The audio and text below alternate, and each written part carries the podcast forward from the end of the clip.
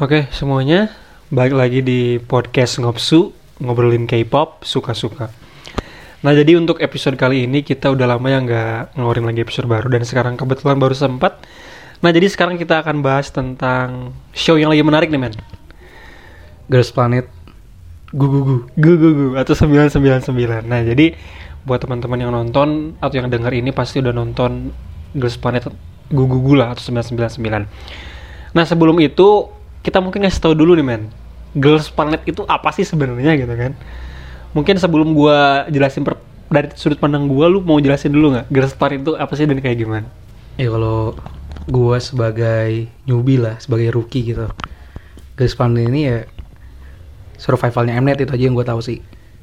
Maksudnya eh, sebelumnya kan yang gue tahu tuh ada Produce 48 Itu gue ikutin dikit-dikit Hmm. Tapi kalau Produce yang One on One itu gue gue nggak ikutin sama sekali Oke, nah jadi itu yang Girls Planet Gugugu itu ya bener kata Zar tadi ya. Jadi ini sebuah survival show Mnet nih. Ada lagi nih Mnet bikin terus survival show padahal di Nggak Produce bosan-bosan One- emang. Nah, padahal di Produce 101 sampai 48 tuh udah manipulated voting kan ya. Tapi mereka tetap bikin dengan kreativitas mereka. Nah, jadi mungkin se- sedikit general review aja untuk masalah Girls Planet. Ini kita nggak scripted ya, men ya?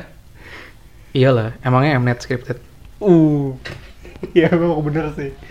Nah, jadi di sini kita nggak scripted, jadi kita bahas biasa aja. Jadi Girls Planet itu yang bisa dibilang seperti season 5-nya lah dari Produce. Emang season 5-nya pak Cuman emang namanya aja beda gitu Nah, itu dia dari, dari kreativitas Mnet membuat namanya beda gitu. Jadi kan kita mulai highlight dulu dari yang pertama nih. Produce 101 season 1 di mana mereka ngedebutin grup yang namanya IOI nih. Lu pasti tau lah. Tahu tahu lah Somi gitu ya dan Sojong dan lain-lain dari sana mereka bikin season 2 lagi nih Produce 101 season 2 di mana mereka ngedebutin 101 boy band boy group nah dari situ bikin tuh mereka iseng-iseng ide collab sama 48 48 Family. Family. mereka bikin Produce 48 di mana Jepang dan Korea menghasilkan Aizwan nah ini Aizwan tuh gue stand banget nih FYI tapi sayangnya harus bubar jadi ya udahlah Tapi justru yang iseng-iseng itu yang paling berhasil ya Bener, yang iseng-iseng malah paling berhasil dan paling memorable ya.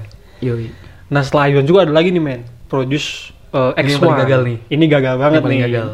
Mereka bikin boy group 11 orang juga, X1. Rencananya mau lima tahun kontraknya, tapi mereka harus gagal karena ya beberapa hal lu uh, mungkin teman-teman juga tahu sendiri lah. Nah sekarang season 5 bener kata lu, mereka bikin Girls Planet gugu di mana konsepnya ini luar biasa banget. Mereka pengen nge-combine trainee dari China, Jepang, dan Korea. Nah, jadi itu sih seperti eh, konsep dasarnya seperti itu mungkin ya, teman-teman. Nah, jadi eh mungkin apa sih bedanya dari Girls Planet dan Produce ini men menurut lu? Lu bisa jelasin ya ke viewers dulu sebelum atau listener, sorry. Sebelum kita bahas tentang ini gitu.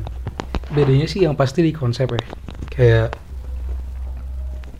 Iya Kalau misalkan di Produce itu mereka Di Produce 48 ya Itu terutama yang gue ikutin gitu Mereka kan gak pakai konsep sel dan lain-lain Hmm. Sama gak sih konsep Produce 48 sama One on One tuh? Iya, sama. Sama kan? One on One, season 1, season 2, season 3 sama 48 hampir Jadi sama-sama. mereka pakai Individual dan agency. individual kayak mereka fokus ke agensinya gitu kan. Mm-mm. Sementara ini kan enggak gitu. Terus kalau di Girls Planet Gugu ini ada sel yang satu sel itu tiga orang kan, Iya. yang terdiri dari trainee dari Korea, dari Cina sama dari Jepang. Sebenarnya bedanya di konsep itunya aja sih.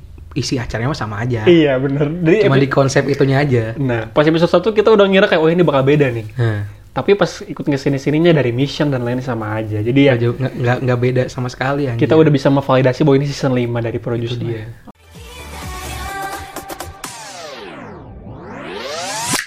Okay, I'm gonna be a star. 더 확실하게 my style.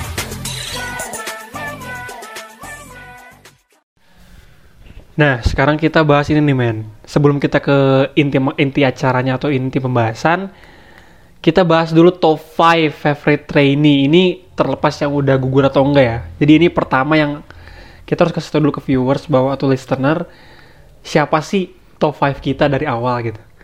Mungkin mulai dari gue dulu kali ya, Boleh, boleh. biar enak ya. Nih kalau gua pertama gacuan gue itu Kawimoto Kotone. The rapper, the one and only. Kenapa? Karena Kotone itu menurut gua underrated banget dan di Pretty You dan VVS tuh dia yang the carry the team dalam hal rap line ya. Jadi dia oke banget lah. Terus yang kedua di Ace, lu tau siapa? Yongan. Yongan, betul. So Yongan yang udah merobek hati kita dari stage kick it, jadi udah mantap lah. Di Ace yang bener-bener di Ace ya. Di Ace Bukan yang di Ace. Cuman yang Katanya, orang- ya nanti itu nanti kita bahas. Yang ketiga, ini yang menurut gua visualnya paling oke di K-Group, yaitu Kang Yeso. Dia juga kan pernah main di Miracle in Number 7, pasti kita udah nangis lah nonton itu. Dan sekarang dia jadi idol di sini. Nah yang keempat ini nih visual of the group yang harus didebutin kata gua, Chan Sinwei. Yang lucu banget kan interaksi sama Yojingo ya. Yoi. Dan menurut gue itu lucu sih kalau mereka sampai jadi gitu. Jadi lucu aja lah. Dan yang kelima ini yang udah keluar sebenarnya men. Dan gue menyayangkan banget Lee Hyewon. Hyewon tuh dia tuh lucu iya. Pengertian iya, empatinya dapet. Tapi sayang banget gitu loh. Suaranya juga oke. Tapi sayang banget mereka dia nggak lolos karena mungkin underrated gitu sama Mnet. Jadi gue berharap Hyewon bakal sukses lah nanti di next live-nya. Ya kurang screen time juga sebenarnya. Nah, kurang screen time. Jadi itu sih 5 favorit gua di trainee. Nah, sekarang lu nih, lu siapa dan kenapa deh pilih dulu 5? Kalau gue yang pertama Yojin lah, jelas. Oh iya, Dari Yojin. dari dari awal orang pasti gimana ya? Kalau kalau lu ngikutin PD4 Produce 48 itu Sakura lah. Ibarat jadi eh, Icon ya? Iconnya. Iconnya si PD48 itu. Kalau lu ngikutin eh, Girls Planet dari awal itu yang jadi icon itu contoh kayak kayak trainee yang pertama diumumin kan Eugene kan Hmm, dari sebelum show-nya tampil ya. Nah, dan kenapa gua milih Eugene juga ya? Kita harus selamatin dia lah. Iya. Guardian. Dari, dari agensi yang kotak itu lah ya. Kita selamatin lah ya. Terus yang kedua tuh Chaehyun. Chaehyun ya pertama ya, dia XSM. Ya kan? Udah minum RSM lah jadi udah udah Anjir. visual sama vokal udah nggak perlu Beda ya, dipertanyakan udah lagi beda lah ya. udah beda gitu. Karena karena gue juga fokus ke vokal kan. Terus Hikaru. Hikaru ini sempat disebut Ace kan, Iya. sempat. Ya, cuman itulah kekuatan dia tuh di, di stage presence gitu, di penampilan yang di Bumbai aja itu udah bisa bikin orang tuh ngelihat dia gitu. Hmm. Terus Si- Shinwei sama. Dia Oh, tuh visual oke, ya? visual visual relatif lah ya kalau visual cantik tapi visual kayak Shinwei ini nih. Hmm. Yang kayak kalau lihat dia tuh lu, lu kayak lihat Cui. Iya, benar. Ya kan? Kayak lihat Irene. Jadi visual ada visual material yang gak semua orang punya gitu kan. Terus tambah dia juga effortlessly funny. Betul Itu dia. dia. Itu dia yang bikin spesial. Dan terus yang terakhir Jiwon. Kim Ji Won. Jiwon tuh Hu Jiwon. Oh, Ji Won ya. Sorry, sorry. Jiwon tuh eh, gimana ya? Ya balik lagi visual sih. Kayak mature lah. Visualnya mature. Jadi ketika dia tereliminasi ke Cherry Ballet menurut lu gimana? Ya sebenarnya kalau buat yang grupnya lagi aktif win-win solution sih mau dia lolos dia oke mau dia gagal terus balik ke grupnya oke selama grupnya masih aktif ya Yang penting udah dapat exposure ya. nah karena kan tujuannya juga pasti itu sih sebenarnya Benar, benar. Oh ya, gue tadi kelupaan satu ke- ketika lu nyebut Ezaki Hikaru, gue tuh lupa gacoran gue nih. Sakamoto Mashiro. Ini gue nah itu dia dari awal Mashiro banget, karena tapi karena cuma top 5 jadi gue nggak dimasukin tadi tuh. Mashiro ini ex ITZY kan ya, jadi mereka hampir debut sama hampir ITZY. hampir hampir Jadi gue sangat berharap dia debut sih Mashiro, karena dia vokal dapet, rap juga oke, dance juga oke. Emang Matang JYP lah ya, udah matang lah udah matang banget JYP trainee X-nya gimana sih? Jadi udah mantap lah. jadi di berarti kayak sama kayak Chaehyun lah Mm-mm. buat masuk JYP YG SM itu nggak mudah Betul. sampai dia training bertahun-tahun ya pasti sebenarnya di- dipertahankan kan. Hmm. Cuman emang gak masuk konsep buat line up debutnya aja. Iya. Jadi, Jadi emang intinya emang udah udah mateng lah udah deserve lah buat debut. Iya, Chaeyoung Mashiro emang dua-duanya deserve lah ya. Itu understatement sih.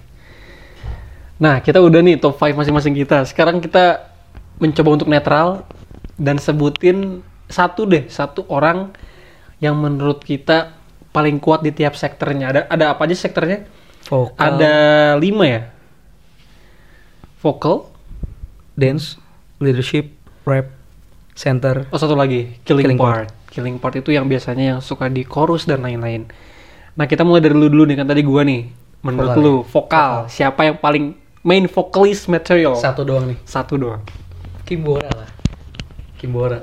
Hmm. Kalau ibaratnya gini, yang vokalnya bagus kayak Chaehyun, terus Sing Jiao. Siapa lagi? Oh, Yeong. Hyerim. Hyerim, Yeong. Jongmin. Bagus vokalnya. Yurina juga falsetnya lumayan. Cuman kalau buat main vokal ya, Hmm. main vokal. Karena kalau kita bahas main vokal kan kalau ada standar lah ibaratnya. Iya. Buat di Gen 3 tuh kayak Wendy lah.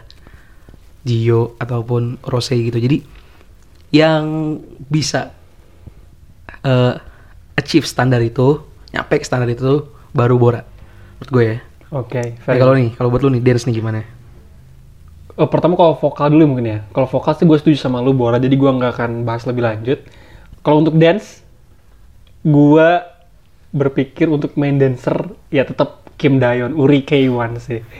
Kim Dayon udah membuktikan dari awal di KDA bahwa dia she's really like one of the top dancer in this show dan dia juga dibuktiin lagi kedua di How You Like That terus di Ice Cream itu paling bikin dia shining. Jadi menurut gua untuk dance Kim Dayon udah nggak ada debat lagi. Jadi soalnya kok ketika gua ngeliat Dayon tuh kayak ngeliat Cheon dulu di PD48 secara dance-nya ya. Iya. tapi kalau secara perlakuan dan lain-lain gua nggak tahu ya. Nanti kita bahas itu. Nah itu sih. Itu buat dance. Kalau lu dance gimana? Setuju? Ya sama sih statementnya kayak lu kayak yang punya kalau gini deh balik lagi kan. Ini kan main vokal main dancer kalau yang dance-nya bagus yang vokalnya bagus banyak. Cuman kan buat sampai ke uh, titik main vokal main dancer itu kan nggak semua orang bisa. Hmm. nah yang ya kita lihat dari yang dia di uh, ice cream juga dengan cara dia jago koreografer segala macam itu ya itu udah menunjukkan dia udah cocok jadi main dancer grup dan juga dia bisa nge-guide tim untuk dance-nya ya Nah. dance positionnya. Oke next leadership nih menurut lu siapa Leadership. yang eh, kira-kira jadi leader of the debut team atau yang paling deserve? Kalau dilihat-lihat gitu dari di, dari episode 1 sampai episode terakhir 9 yang kita ikutin Bora sih. Kimbora lagi. Kim Bora dia contoh ya kalau kayak yang di dia pernah ngajarin Eugene kan ya buat dia jadi main ngajarin vokal Eugene pas Eugene main mau vokal jadi di shoot, shoot, Ya. ya kan terus dia eh, bisa nge-carry timnya terus bikin Manami juga ya yang itu yang nge-carry si Manami ya Manami on the beat Ya. Yang ibaratnya gini, dia bisa di, di penampilan yang nunjukin rap skillnya aja itu, dia masih bisa ngebawa timnya yang dianggap lemah lah waktu itu. Hmm. Jadi tampil jadi yang unexpectedly good gitu. dan mereka semua lolos ya? Nah, terus terakhir yang dia sampai harus belajar bahasa Mandarin biar dia ngajarin Xinjiao oh iya kan? dia belajar sama Wenzel kalau nggak salah. Itu aja udah nunjukin bahwa dia emang bener-bener pengen bener-bener care lah sama grupnya gitu. Hmm. kalau menurut lu gimana tuh buat leadershipnya? Kalau gue juga setuju Kim Bora karena dia tuh mengingatkan gue sama Enbi dulu sih. Jadi dia kayak mother figure gitu, omanya, oma of the group. Oke Eugene juga sebenarnya oma buat beberapa maknai tim K3 ini ya, kayak Maya gitu kan, kayak Eugene banget. Cuman untuk apa ya nge nge-lead sebuah tim yang KCJ menurut gue Bora sih. Dia udah kayak oma banget. Jadi gue setuju kalau untuk leadership. Nah sekarang untuk rap nih menurut gua rap jelas ya. Rap itu kita sepakat sini sepakat sini kami moto kotong nih kalau kata Kotone. gua. Lu sepakat? Sepakat lah Kenapa tuh? ya kalau misalkan baik lagi main rapper itu ya taruh lagi nih Yongen Hmm. Yongen tuh vokal bagus rap bagus dance bagus tapi kalau buat yang main rapper Hmm. Kotone lah dan dia tuh apa ya mentalitinya juga seorang rap rapper banget Iya. sampai ngedis Mnet Mnet di ya. acaranya Mnet sendiri gitu itu itu mentalitinya rapper pak. Mentality kalau lu kalau lu gak terbiasa jadi rapper gitu gak bakal berani. Kayak gitu kan. Setuju gue. Dan mungkin orang-orang bilang kayak ah Manami lebih bagus ya rapnya. Menurut lu gimana? Ba- bagus. Cuman kan ini yang kita kita tuh butuhnya main rappernya. Ya kan? Sedangkan Manami balik lagi tadi unex- unexpectedly good kan?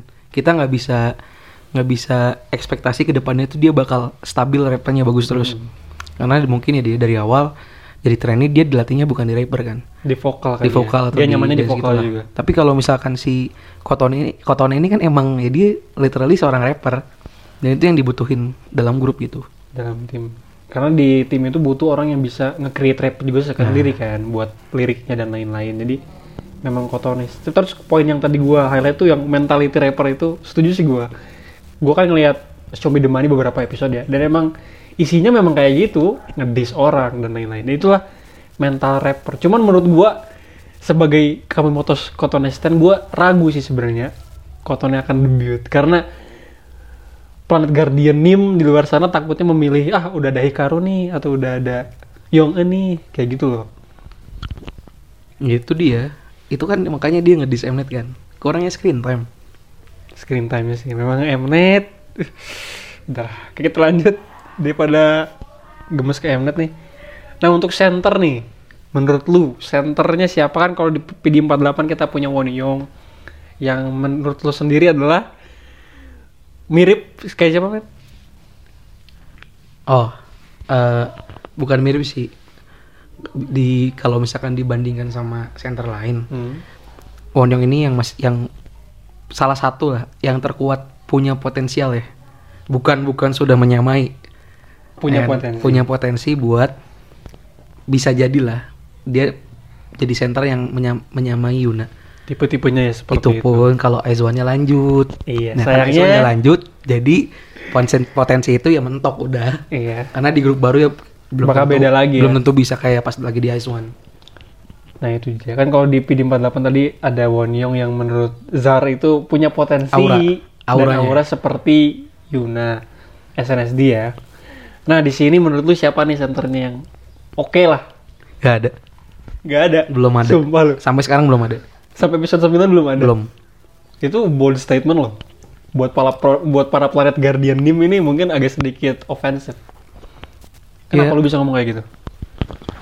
Karena buat jadi center tuh susah men. Asli karena gak, bu- bukan cuma apa ya, bukan cuma dia harus jadi di ace lah ibaratnya vokal bagus, rap bagus, dance bagus gitu. Tapi yang paling penting itu stage presence. Hmm. gimana caranya lu bisa lu bisa eh, narik perhatian gitu misalkan lu di panggung atau lu tampil di mana pun gitu orang tuh fokus ke lu sejauh ini menurut gue belum ada Belum ada. belum bukan gak ada ya belum terlihat lah Belum terlihat. Belum terlihat. Oke. kalau menurut lu center siapa itu Kalau gua nih ya, dari semua trainee yang berbakat banyak. Yang dance-nya oke banyak. Tapi yang punya presence sejauh ini baru Gwyn Maya. Gua harus bilang kayak gitu karena di tiap cute, cute konsep, kalau kita ngomongin cute konsep doang nih ya, Iya. Maya jadi center tuh auto menang timnya. Maksudnya kayak di hati kita ya, di hati para penonton gitu. Pasti kayak ketika Maya jadi center tuh auto works lah. Dia punya stage presence yang gak punya dari yang gak dipunyai trainee-trainee lain gitu. Cuman masalahnya kalau Gin Maya adalah gue yang gak yakin dia bakal cocok di konsep lain. nah seperti itu itu dia konsep elegan atau girl crush gitu kan. Maya masih lemah di situ mungkin. Di sudah di eh, ketika kita bahas center karena kan ini belum jelas eh, grup debutnya tuh konsepnya bakal gimana Hmm. ya kan kalau bahas center baik lagi kata lu kalau based on konsep kayak konsep cute konsep elegan konsep girl crush sti- itu setiap konsep itu adalah yang cocok gitu Hmm. cuman ketika kita bahas center dia harus bisa tiga tiganya kan Harus versatile ya. versatile bisa tiga tiganya dan menurut gue belum ada itu kalau buat konsep cute gue gue setuju kalau Gwen Maya Hmm. cuman kalau buat sebagai center secara keseluruhan buat line up ibaratnya gitu nanti Hmm. pas debut belum, ada. belum ada oke nah terakhir buat killing part nih. Killing part tuh mungkin kita harus nyesuaiin dulu dengan konsep kali ya. Iya balik lagi sama kayak center udah kayak tadi sih ya Iya. sebenarnya. Oke lah kalau cute kita setuju Gin Maya nih buat killing part misal. Kalau untuk yang badass deh girl crush. Kita dua aja lah cute dan girl crush.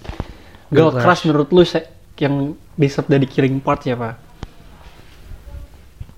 Sama belum gue belum belum bisa ngeliat sih kalau konsep girl crush.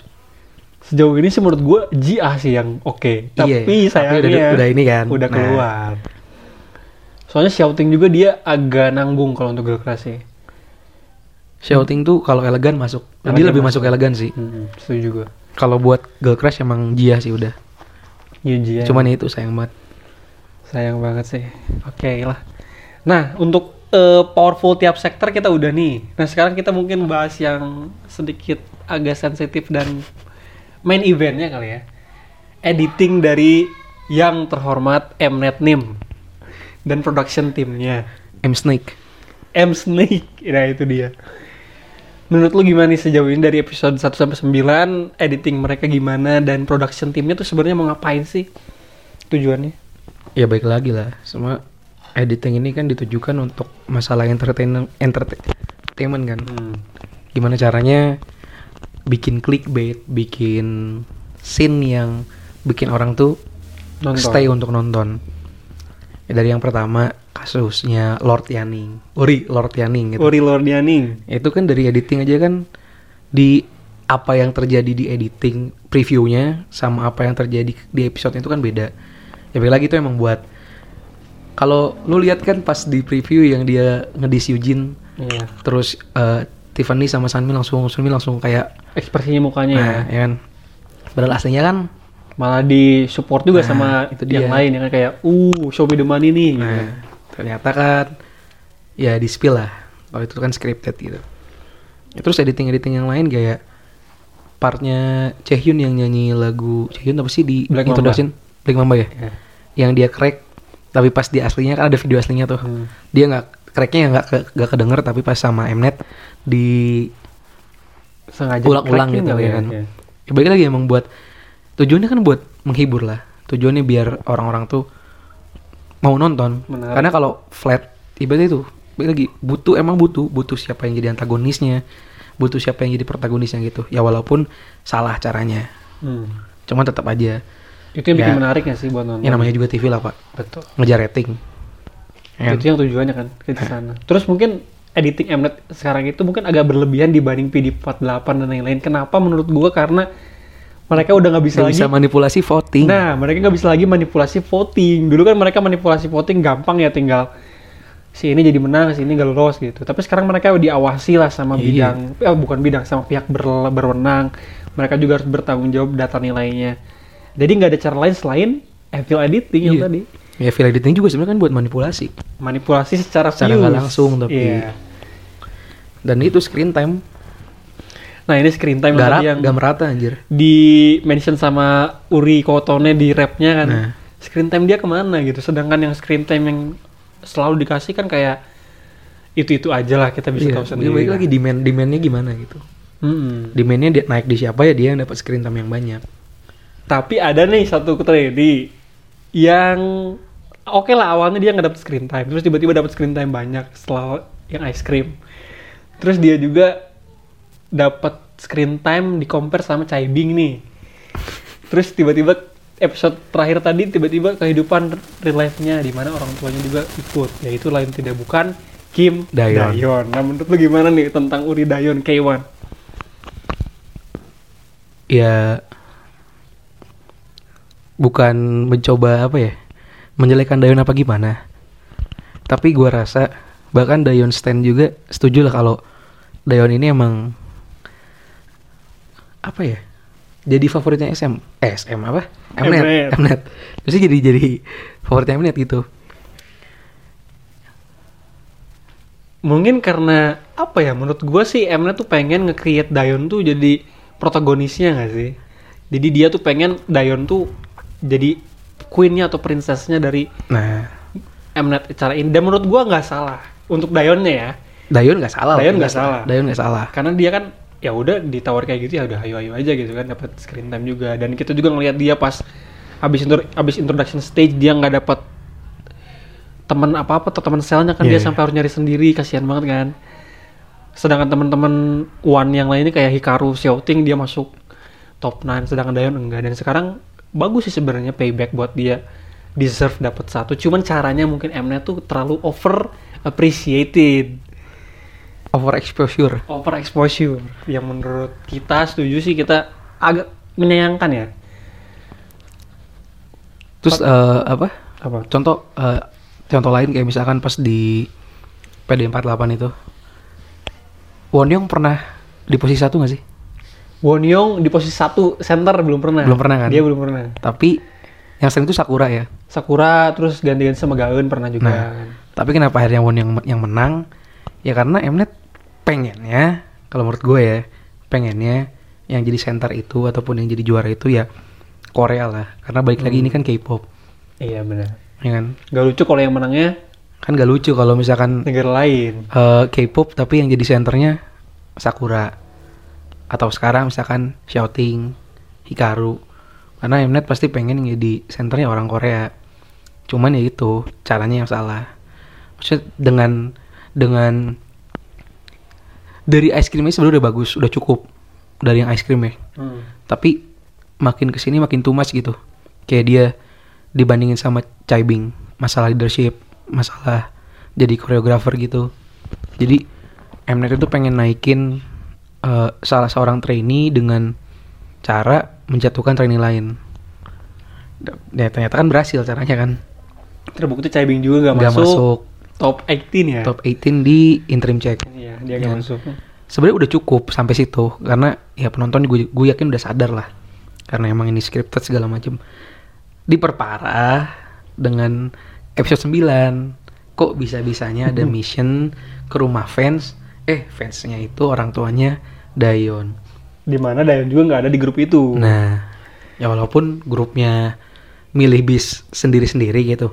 Cuman gue nggak nggak masuk apa ya nggak nggak make sense lah kayak pas tim kreatif lagi diskusi gitu ya. brainstorming segala macem kok dari sekian banyak fans dari sekian banyak tempat yang bisa dituju misi yang bisa dilakukan kok bisa bisanya nyantol ke rumah fans tapi rumah Dayon dan misinya pun masuk ke rumah Day ke kamar Dayon ngeliatin foto-foto masa kecilnya terus bikin surat buat dia yang sebenarnya nanti pulang dari situ juga ketemu lagi jadi buat apa gitu? Nggak ada gunanya. Terus juga ditambah dia juga ngeliatin restoran bapaknya Nah. sushi kan. Dia- itu semacam promosi juga bisa menurut gua. Promosi pak. Buat eh, Dayonnya dapat self branding Nah, Nah, sebenarnya ya Dayonnya nggak salah, cuman dibalik lagi. Kalau misalkan siapa pun trainee yang dimainin dengan dengan cara gini lah sama Mnet, ya kalau kena hate ya pastilah.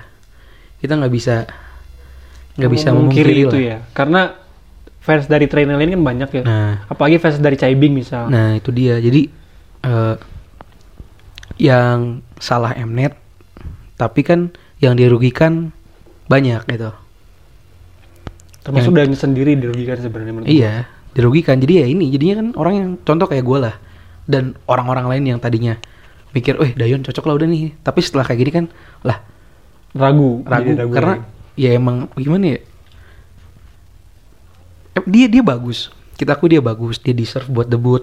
Tapi kalau caranya gini, gak fair buat yang lain, Iya. ya kan? Sampai sampai ada tweet kan ya, Ada tweet tuh. apa namanya? Kampret banget tweetnya tuh. Apa?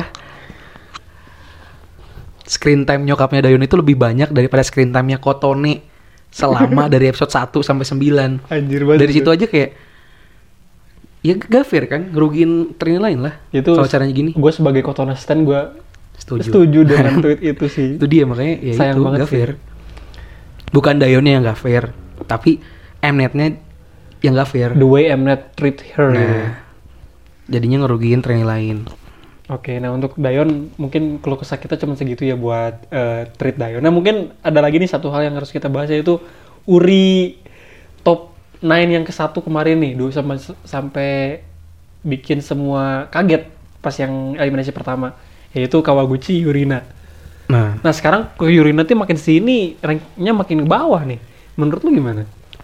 kan eh, kita pernah bahas kan kayak kayak misalkan pas dia di, di elimination satu satu itu kan jumlah voting kan 4,3 ya eh 4, koma berapa sih kalau nggak salah 4,4 Kalau nggak salah segitu 4,4 4 jutaan pokoknya.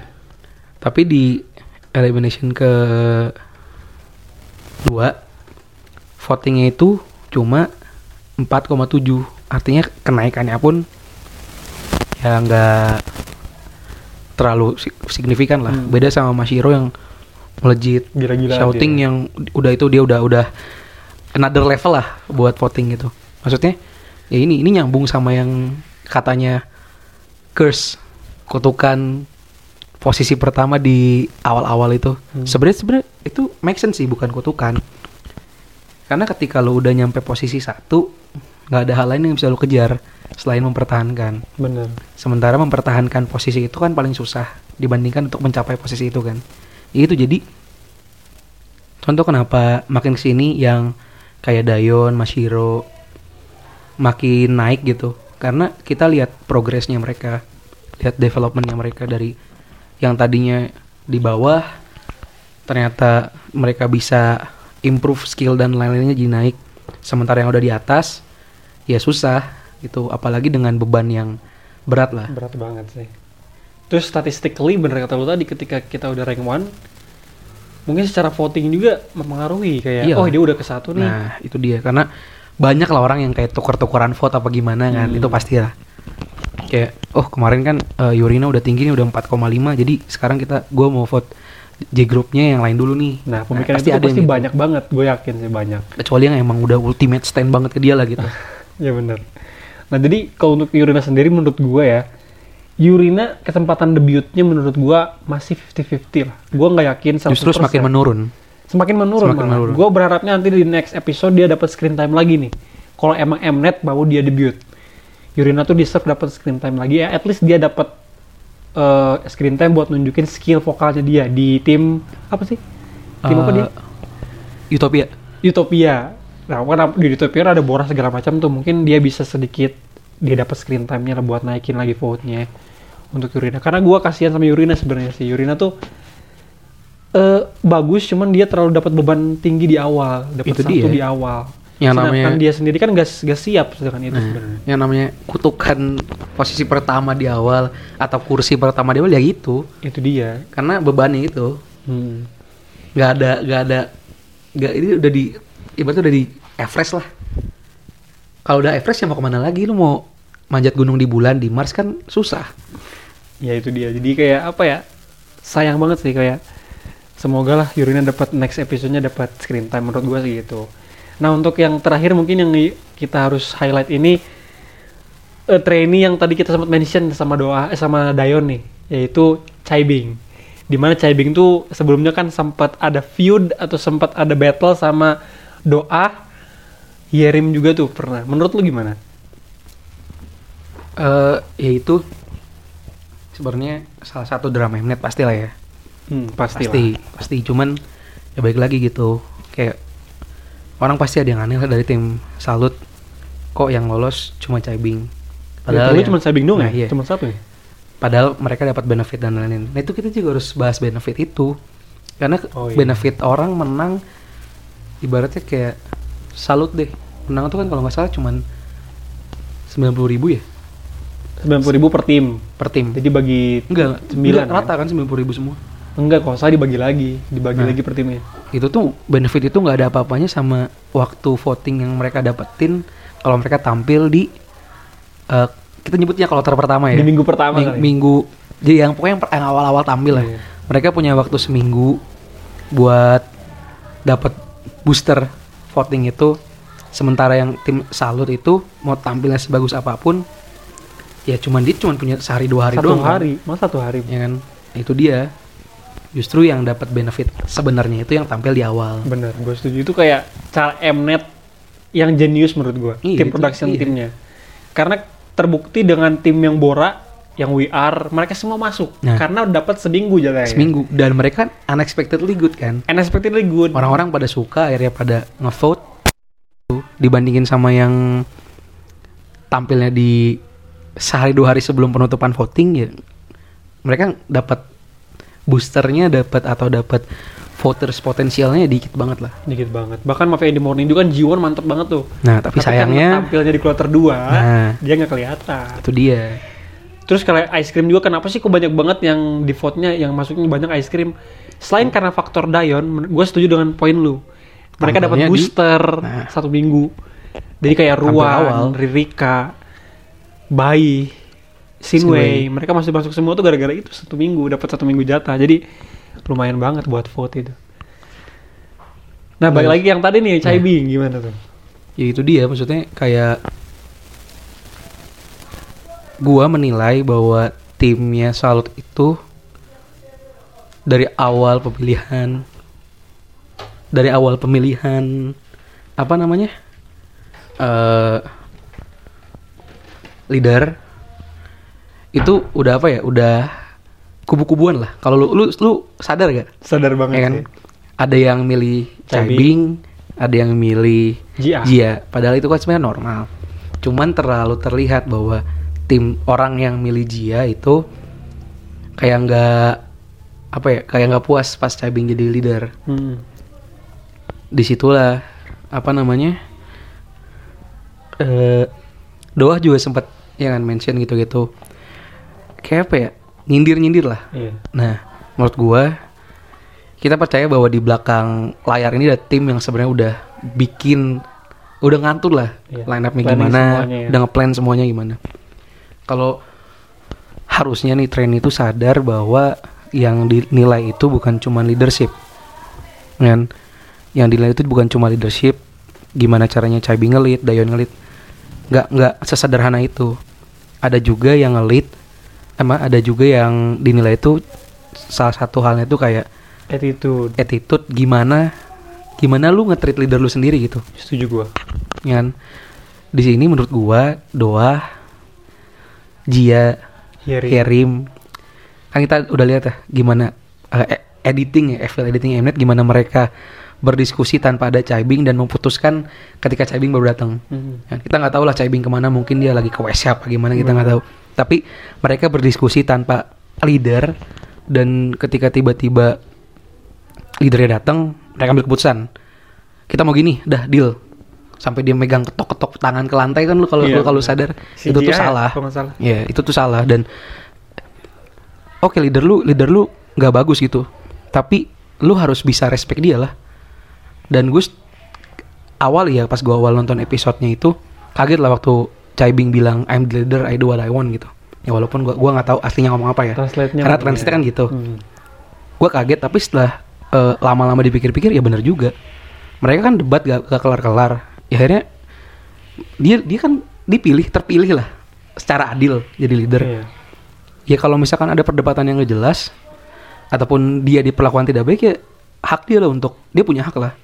Punya wewenang buat ya udah gua gua leadernya lu nurut dulu apa kata gua itu Demi kebaikan tim juga kan. itu dia Nah ini tuh case gini tuh mirip kayak dulu pas yang Yes or Yes loh kalau lu inget zaman Hyerim sama Jiwon itu loh. nah Nah kan awalnya si Jiwon tuh dapat banyak part kan, dia killing part dapat banyak. Itu part. dia. Tapi di sana ada Chaeyoon.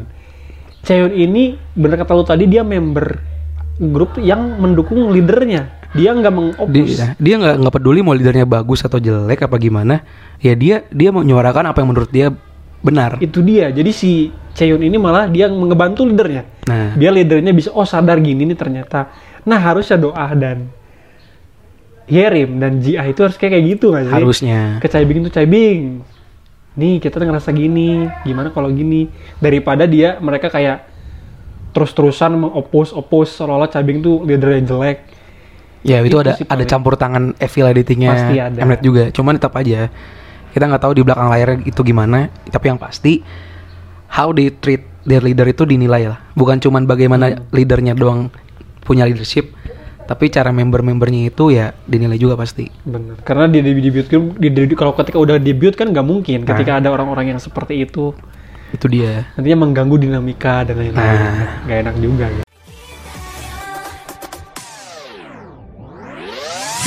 Okay, I'm gonna be a star. 더 확실한 게 my style.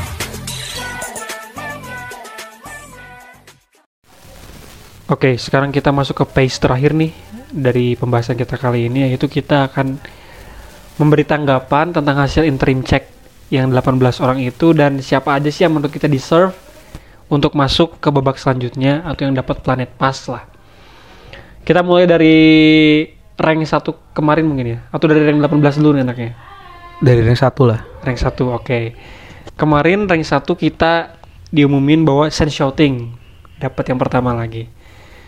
Kita setuju sih untuk nextnya dia akan tetap Bisa ada jadi di karena satu ya. udah nggak udah kita bandingin sama Mas Hiro sama Yorina deh, ya kan? Mereka 4,5 4,7 sementara Xiaoting itu 5,5 kan. Hmm. Satu satu juta lah perba apa selisihnya gitu. ya. Ditambah kan eh, dari omongannya Master juga kalau nggak salah kan dia bilang dia ke satu juga kan di Korea gitu. Artinya dia, dia dapat support juga dari Knets. Da, gimana ya? Ya baik lagi susah untuk untuk eh ngelewatin dia gitu secara voting ya. Nah jadi kita setuju lah on the same page kalau Sen Shouting akan dapat ke satu lagi buat nanti hasil eliminasi ketiga nanti.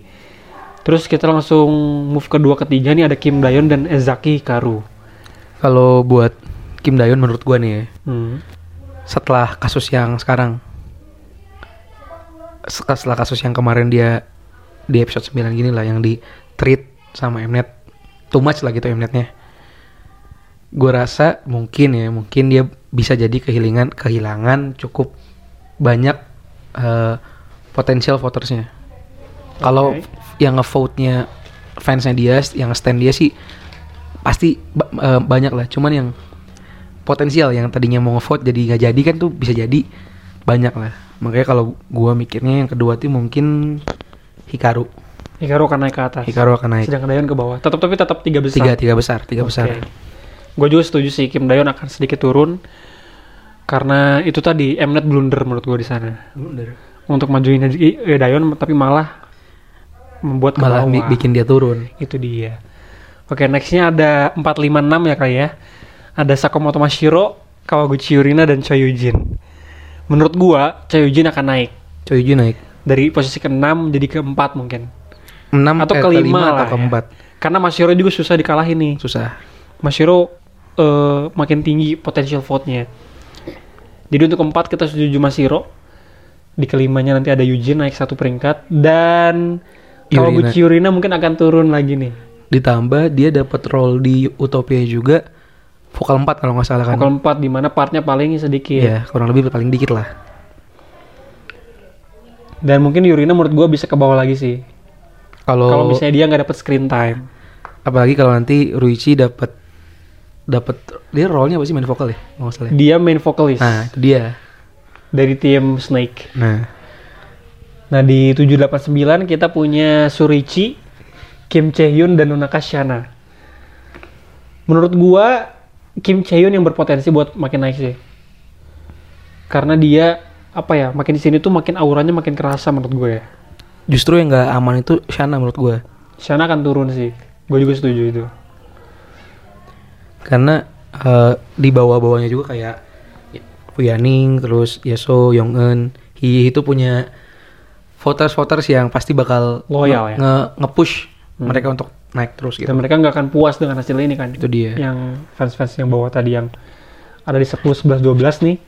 Ada Lord Yaning, Fuyaning, Kang Yeso dan Soyongen. Ini tiga-tiganya juga punya fanbase yang kuat menurut gua. tapi kita jangan jangan lupakan fakta bahwa besok tuh mereka tampil sehari dua hari setelahnya tuh langsung tutup votingnya Iya. jadi nggak ada tuh boosting boosting booster yang tidak adil seperti kemarin Nah, ya. Ini adil nih. Jadi baru pure adil, ya.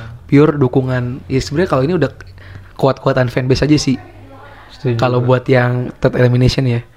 Jadi nggak ada yang tadinya orang nggak ngelihat dia tapi ternyata tampilnya bagus.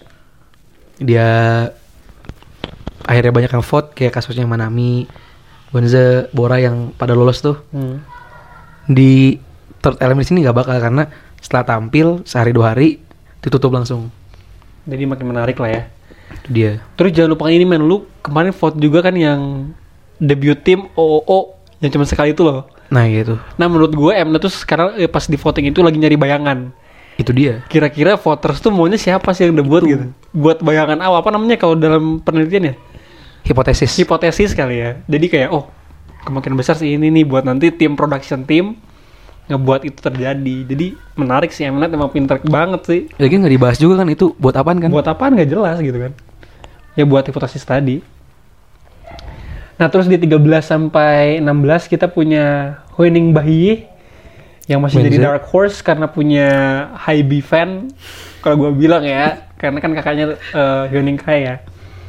Tapi bukan bukan itu doang karena Bayi juga kan bagus ya. Jadi bagus, bagus, gue bagus. emang setuju lah Bayi juga punya potensi di sana. Terus ada Wenze si kocak dari China sama ada Huang Xingxiao nih. Menurut gue untuk yang posisi 13 ke bawah, 14 ke bawah deh. Dari Wenze, Wang Xingqiao, terus eh, Ruan, Manami, Shinwei itu justru posisi yang gak aman. Karena di bawah di bawahnya tuh ada Caibing, ada Bora, ada Kotoni, ya kan. Pasti fans-fansnya Caibing, fansnya Bora tuh apalagi Bora ya yang benar-benar dibutuhin gitu buat Iya. buat di line up debut. Makanya ya pasti lagian kan ini juga masih interim check kan. Masih interim. Nah, sehari dua hari itu sangat-sangat Berubah banget bisa ya. berubah banget Bisa lah. banget. Karena bisa jadi yang eh, di interim check ini kita nggak tahu kan kapan waktu tepatnya gitu. Bisa jadi baru dua hari tiga hari setelah voting Yang dibuka, terakhir ya kan? Tapi enggak sih karena kan mereka harus latihan dulu tuh. Pasti mungkin semingguan kali ya. Seminggu atau dua mingguan nggak tahu sih. Sekitar ituan kali. Nah terus ini juga ada karena kita udah sebutin semua nih sampai 18 ada juga Ginmaya men. Ginmaya Ah, tuh dia. fanbase-nya gede juga loh. Jadi emang gak aman sih buat kayak Shinwei, Manami, Ruan, Xingxiao. Iya kalau kalau buat based on vote gitu ya dengan cara Mnet yang mau adil kalau dari vote-nya yang gak dimanipulasi dan lain-lain sebenarnya yang paling aman tuh tiga besar sampai ya paling lima besar Lima lah. besar lima besar yang paling aman Karena dari 6 juga belum aman sih, 6 Belum. sampai 15-an juga belum aman. berubahnya bisa cepet bisa cepet banget gitu Gila-gilaan. signifikan banget tapi kalau yang satu dua tiga empat lah itu udah udah susah lah buat berubah apalagi kalau dilihat dari votingnya contoh kayak eh, di second elimination Eugene aja kan cuma 3 jutaan sementara eh, Mashiro tuh udah 4,5 4 juta. nah itu, 4 juta. itu dari situ aja udah secara statistik sebenarnya eh, sulit lah untuk ngutak ngatik lagi empat besar itu Setuju gue sih.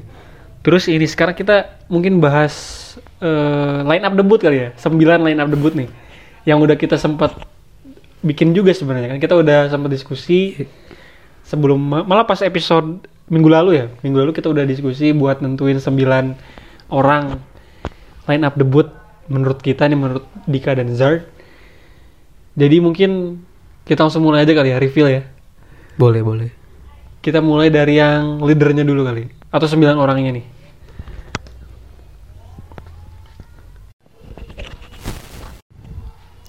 Nah, yang pertama nih buat posisi ya face of the group lah ya. Oke. Face of the group pasti ada gitu. Gue mikirnya antara shouting atau Eugene. Setuju. Cuman kalau misalkan based on vote, shouting lebih inilah. Kita gue kita- ngeliat shouting tuh kayak dia ikonnya Girls Planet nah, sih itu dia. sekarang ya. Kita nggak nggak harus nggak cuman bahas dari menurut kita kan, tapi harus lihat votingnya sekarang juga lah. Ya. Secara statistik Jadi kita voting sekarang tuh. yang ngasih data ini berdasarkan statistically. Kita mencoba netral ya. Nah, bukan cuman eh, kita yang pengen gitu kan. Hmm, ini mah netral ini. Prediksi kita, pure prediction. Berarti yang pertama tadi member pertama adalah shouting. Shouting. Member kedua untuk dancer dancer nih buat main dancernya itu Dayon sih Dayon. Kim Dayon. Itu jelas banget sih teman-teman kayak karena Dayon seperti yang kita tadi bilang di awal ya udah irreplaceable lah, unreplaceable kayak nggak tergantikan untuk masalah dancer. Jadi member kedua Kim Dayon dari Korea, dari K1. Terus member ketiga ada Sakamoto Mashiro. Mashiro posisinya apa di sini dia bisa jadi lead, dancer, bisa jadi lead vokal atau lead vokal juga bisa. Karena dia udah matang secara skill, dia punya fanbase yang banyak dari Korea juga Nah. dan Jepang juga dia ke satu terus kan.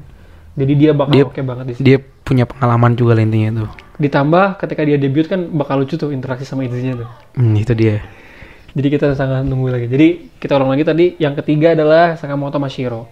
Nah untuk member yang keempat nih, kalau vokal yang pertama masuk itu Bora Kim Bora. Kim Bora butuh banget lah buat main vokal melihat eh, voter Bora sekarang yang check kemarin kan masih nggak ada ya, Nah. masih nggak masuk.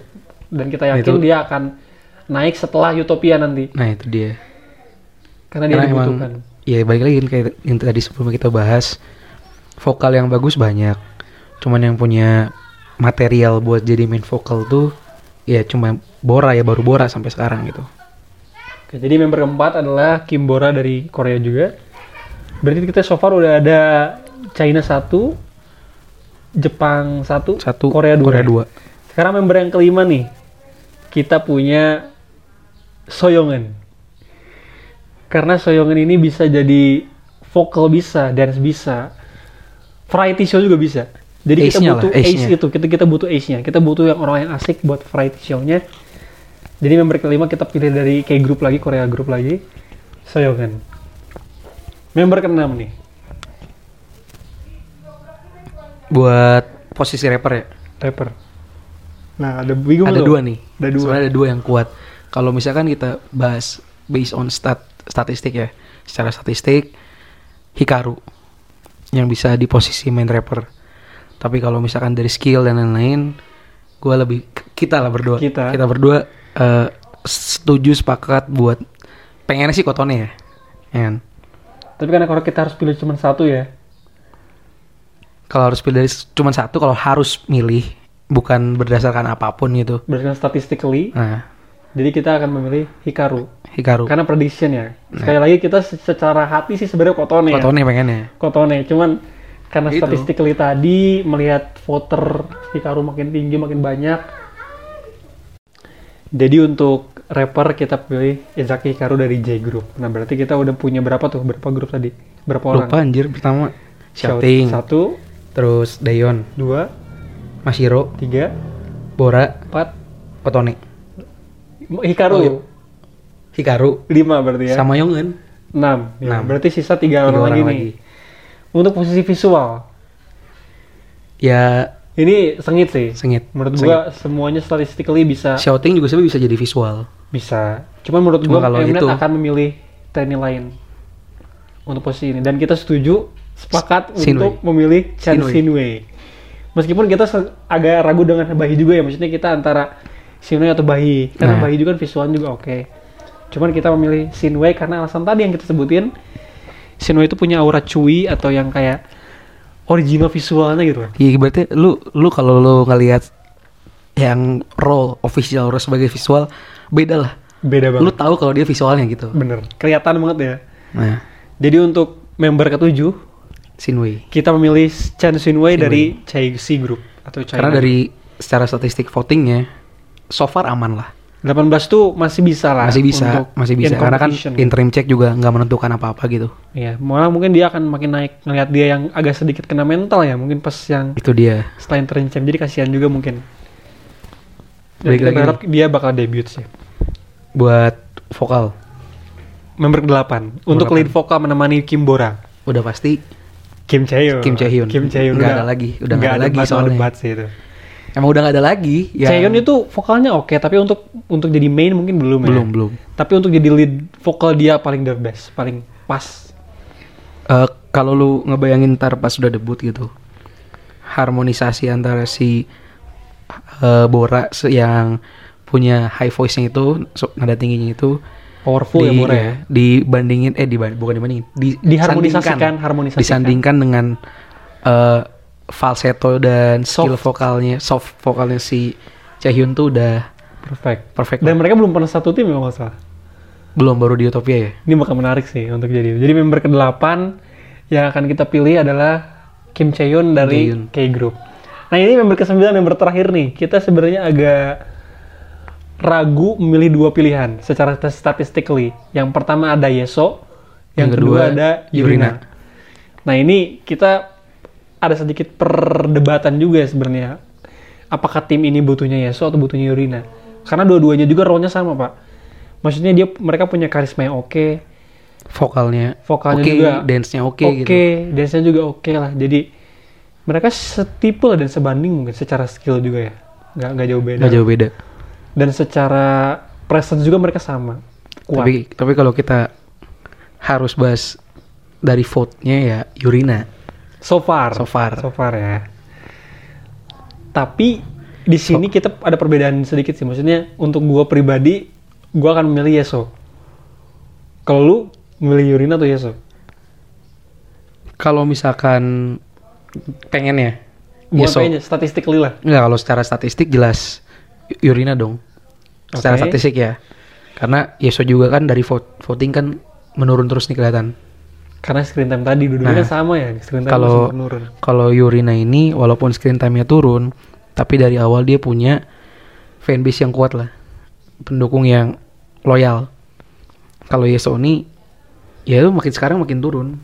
Cuman kalau ditanya pengennya apa- siapa, ya gue bakal jawab Yeso lah. Karena Yeso juga buat role maknanya. Iya, makna itu kan penting ya. Penting lah, pasti. of the group. apalagi dia udah dikenal di dunia entertain Korea ya lebih bisa apa ya bisa lebih nguntungin lah Iya, buat secara nantinya buat si M Snake-nya juga kan. nah M-nya buat juga M kan. Snake nya juga nguntungin Siapa tahu Yeso punya ada aktivitas solo buat acting, acting, kan pas lagi ya. liburan lumayan tuh. Jadi kita setuju untuk next member atau last member kita akan memilih Kang Yeso Yeso. Dari K Group. Jadi itu dia kesimpulannya tadi ada apa aja, men?